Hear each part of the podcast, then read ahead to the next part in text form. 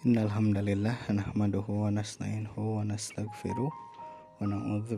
min syururi anfusina wa min sayyiati a'malina. May yahdihillahu fala mudhillalah wa may yudlilhu fala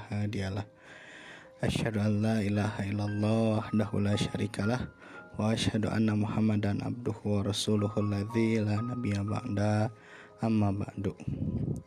Alhamdulillah Allah Subhanahu masih memberikan kesempatan kepada kita semua. Sehingga pagi kali ini kita masih bisa makan sahur terbangun untuk ya makan sahur kemudian sholat subuh ya. Sebuah kenikmatan yang perlu kita syukuri terus menerus tanpa henti dengan cara terus taat kepada Allah melaksanakan ibadah yang bisa kita laksanakan. Ya. Hari kelima di bulan Ramadan tahun 1442 Hijriah. Tentu sudah ada banyak kisah yang terjadi sepanjang awal Ramadan dan bagi Bapak pribadi.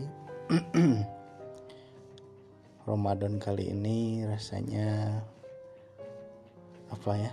Ada satu hal yang cukup menyedihkan tapi juga ini sebuah peringatan bagi kita semua. Kabar duka berkali-kali datang di WA group di Facebook di media sosial yang dibaca orang-orang yang kita kenal, orang-orang yang mungkin sempat dekat ya. Bahkan bagi Bapak sendiri, salah seorang guru Bapak dulu Qadarullah sudah dipanggil oleh Allah Subhanahu wa taala. Dan tentu kita semua juga ada dalam barisan itu, entah kapan. Ya, ini sekali lagi perlu menjadi sebuah peringatan yang penting untuk kita semua. Betapa umur ya ajal tidak pernah melihat umur. Berapapun umurnya mau sehat mau sakit kalau waktunya sudah tiba ya sudah. Tidak ada orang yang meninggal karena tertabrak mobil. Tapi memang sudah ajalnya waktu itu. Kenapa? Karena banyak orang yang sudah tertabrak tapi masih selamat. Jadi meninggal wafat bukan karena ya ditabrak mobil, jatuh dari ketinggian eh, ataupun dari kecelakaan-kecelakaan lainnya yang biasa kita sebut itu sebagai penyebab kematian seseorang enggak ya. Aslinya ya memang takdirnya begitu dan wasilahnya jalannya harus seperti itu. Nah ini bapak pagi kali ini mau bercerita sedikit ya sedikit saja tentang burung pipit dan Nabi Ibrahim. Anak-anak sudah dengar, sudah pernah baca atau dengar tentang kisah burung pipit dan Nabi Ibrahim ini? Kalau sudah bagus, ini untuk mengingatkan saja. Kalau belum juga silahkan diperhatikan kisah yang Bapak mau ceritakan pagi kali ini. Nah, seperti yang kita tahu, Nabi Ibrahim alaihissalam pernah terlibat sebuah dalam sebuah kejadian ya Waktu itu dalam dakwahnya Nabi Ibrahim menghadapi oh, seorang raja. Nah, siapa nama rajanya nanti silahkan dicari ya oleh anak-anak siapa nama raja yang dihadapi oleh Nabi Ibrahim di tengah dakwahnya. Tapi intinya raja tersebut memerintahkan atau mempercayakan kepada ayah Nabi Ibrahim. Ayo, siapa nama ayah Nabi Ibrahim? Azar ya. Nah, Azar ini ia seorang pembuat patung dan tentu waktu itu masyarakat yang didakwahi oleh Nabi Ibrahim itu memang penyembah berhala betul. Banyak berhala yang mereka buat yang disimpan di sebuah ruangan. Ada bermacam-macam bentuk, bermacam-macam fungsi ya. Macam-macam itu fungsinya. Karena nggak bisa satu patung mewakili semua keinginan manusia. Nah, satu waktu Nabi Ibrahim berdakwah dengan cara mengajak kaumnya berpikir. Dihancurkanlah itu berhala-berhala yang kecil oleh sebuah kapak dan untuk ya, bukan menjahili ya yang mendakwahi kepada kaumnya Nabi Ibrahim meletakkan kapak tersebut di patung yang paling besar. Oh, ketika eh, orang-orang bahkan ayahnya waktu itu datang ke tempat tersebut ternyata berhala-berhala sudah rusak, sudah hancur ya. Marahlah ayahnya. Ayah Nabi Ibrahim melaporkan kejadian tersebut kepada sang raja. Wah, apalagi sang raja marah sekali. Akhirnya Nabi Ibrahim pun dibakar dalam tungku yang sangat besar.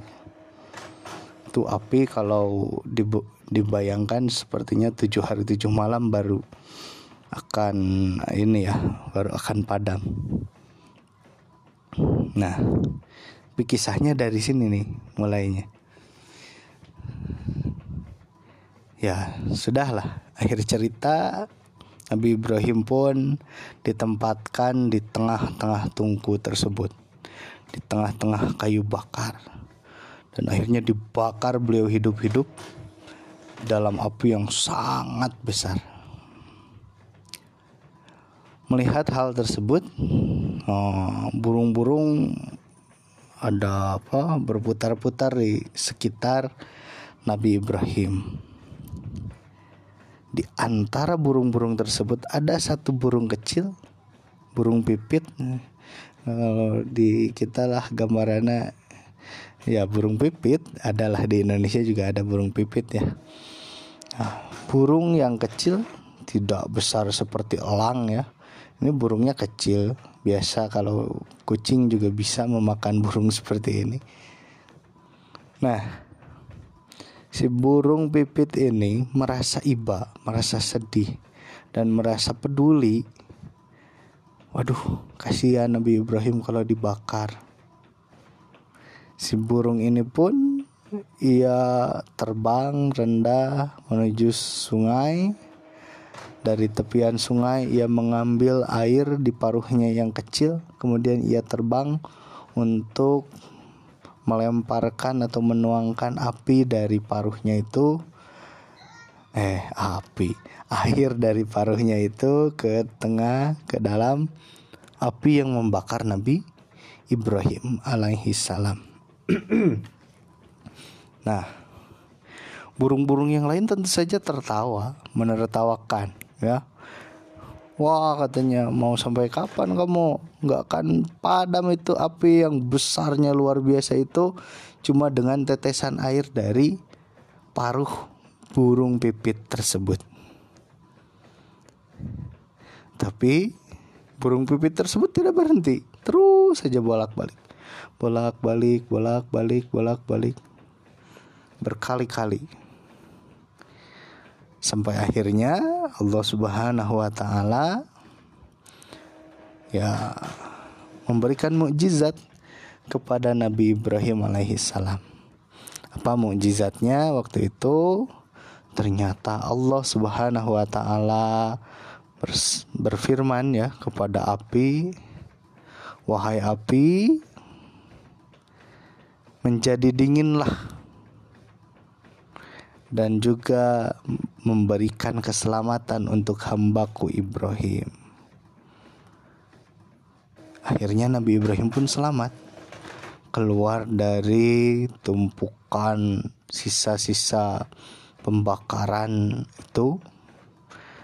Dari kayu bakar beliau masih selamat. Nggak kenapa-kenapa. Bahkan sedikit pun terluka Nabi Ibrahim tidak ini adalah mukjizat yang Allah Subhanahu wa taala perlihatkan untuk menjadi pelajaran bagi kaumnya supaya kaumnya percaya bahwa Allah Subhanahu wa taala mengutus Nabi Ibrahim dengan benar dan karena itulah mereka seharusnya mengikuti ajaran dan tuntunan dari Nabi Ibrahim alaihi salam. Nah, apa pesannya untuk uh, kisah kita di pagi kali ini bahwa sekecil apa pun usaha yang bisa kita lakukan, lakukan saja. Karena Allah Subhanahu wa taala tidak akan apa ya? Tidak akan menyia-nyiakan setiap usaha baik yang kita lakukan. Kalau anak-anak sekarang misalnya masih terbata-bata membaca Al-Quran, nggak apa-apa, lakukan saja. Karena kata Rasul, orang yang terbata-bata membaca Al-Quran itu pahalanya dua. Pahala membaca Al-Quran dan pahala mau belajar untuk membaca Al-Quran. Tapi kalau yang sudah pandai baca Qurannya tentu saja lebih utama lagi syafaratil kiramil bararah kata Rasul. Ya, kata Allah ya. ya, jadi orang yang sudah pintar, sudah baik bacaan Al-Qur'annya, ia bersama para malaikat yang dihormati. Ya, tentu saja berarti tempat dia ada wah, semakin dekat dengan Allah, semakin dicintai oleh Allah Subhanahu wa taala. Tuh, ya. Jadi seberat apa pun lakukan saja Walaupun mungkin menurut orang lain itu adalah sesuatu yang mustahil, tidak ada gunanya. Wah, buat apa sih ngisi pembiasaan di buku kegiatan Ramadan? Kamu buku Ramadan aja nggak tampi kene ya. Ini sesuatu yang mungkin kata orang ini mustahil. Tapi nggak apa-apa selama kita berusaha, selama kita melakukan apa yang bisa kita maksimalkan, masih bisa kita usahakan, lakukan saja. Karena Allah Subhanahu wa taala tidak akan menyia-nyiakan semua usaha yang telah kita lakukan. Anak-anak yang sudah ngajinya luar biasa ya, rajin, yang sholat subuhnya udah nggak kesiangan karena udah makan sahur ya. Apalagi yang bagus sesudah makan sahur itu nggak langsung tidur. Tilawah dulu tadarus dulu misalnya ya. Sholat sholat duhurnya sudah nggak terlewat lagi udah nggak bolong-bolong selama Ramadan. Usaha itu tidak akan sia-sia. Semua akan menjadi kebaikan dan buku itu dihadirkan hanya untuk menjadi apa ya tunjuk atau pengingat ya. Pengingat ya, bukan petunjuk ya. Pengingat saja bahwa ada amalan-amalan seperti itu yang bisa kita biasakan yang bisa kita lakukan setiap hari. Dan tentu saja manfaatnya bukan untuk bapak ya tapi untuk anak-anak semua untuk menjadi anak yang soleh anak yang berbakti kepada orang tua berguna untuk sesama uh, itu adalah cita-cita kita semua. Itu saja yang bisa Bapak sampaikan dari sebuah kisah kecil ya.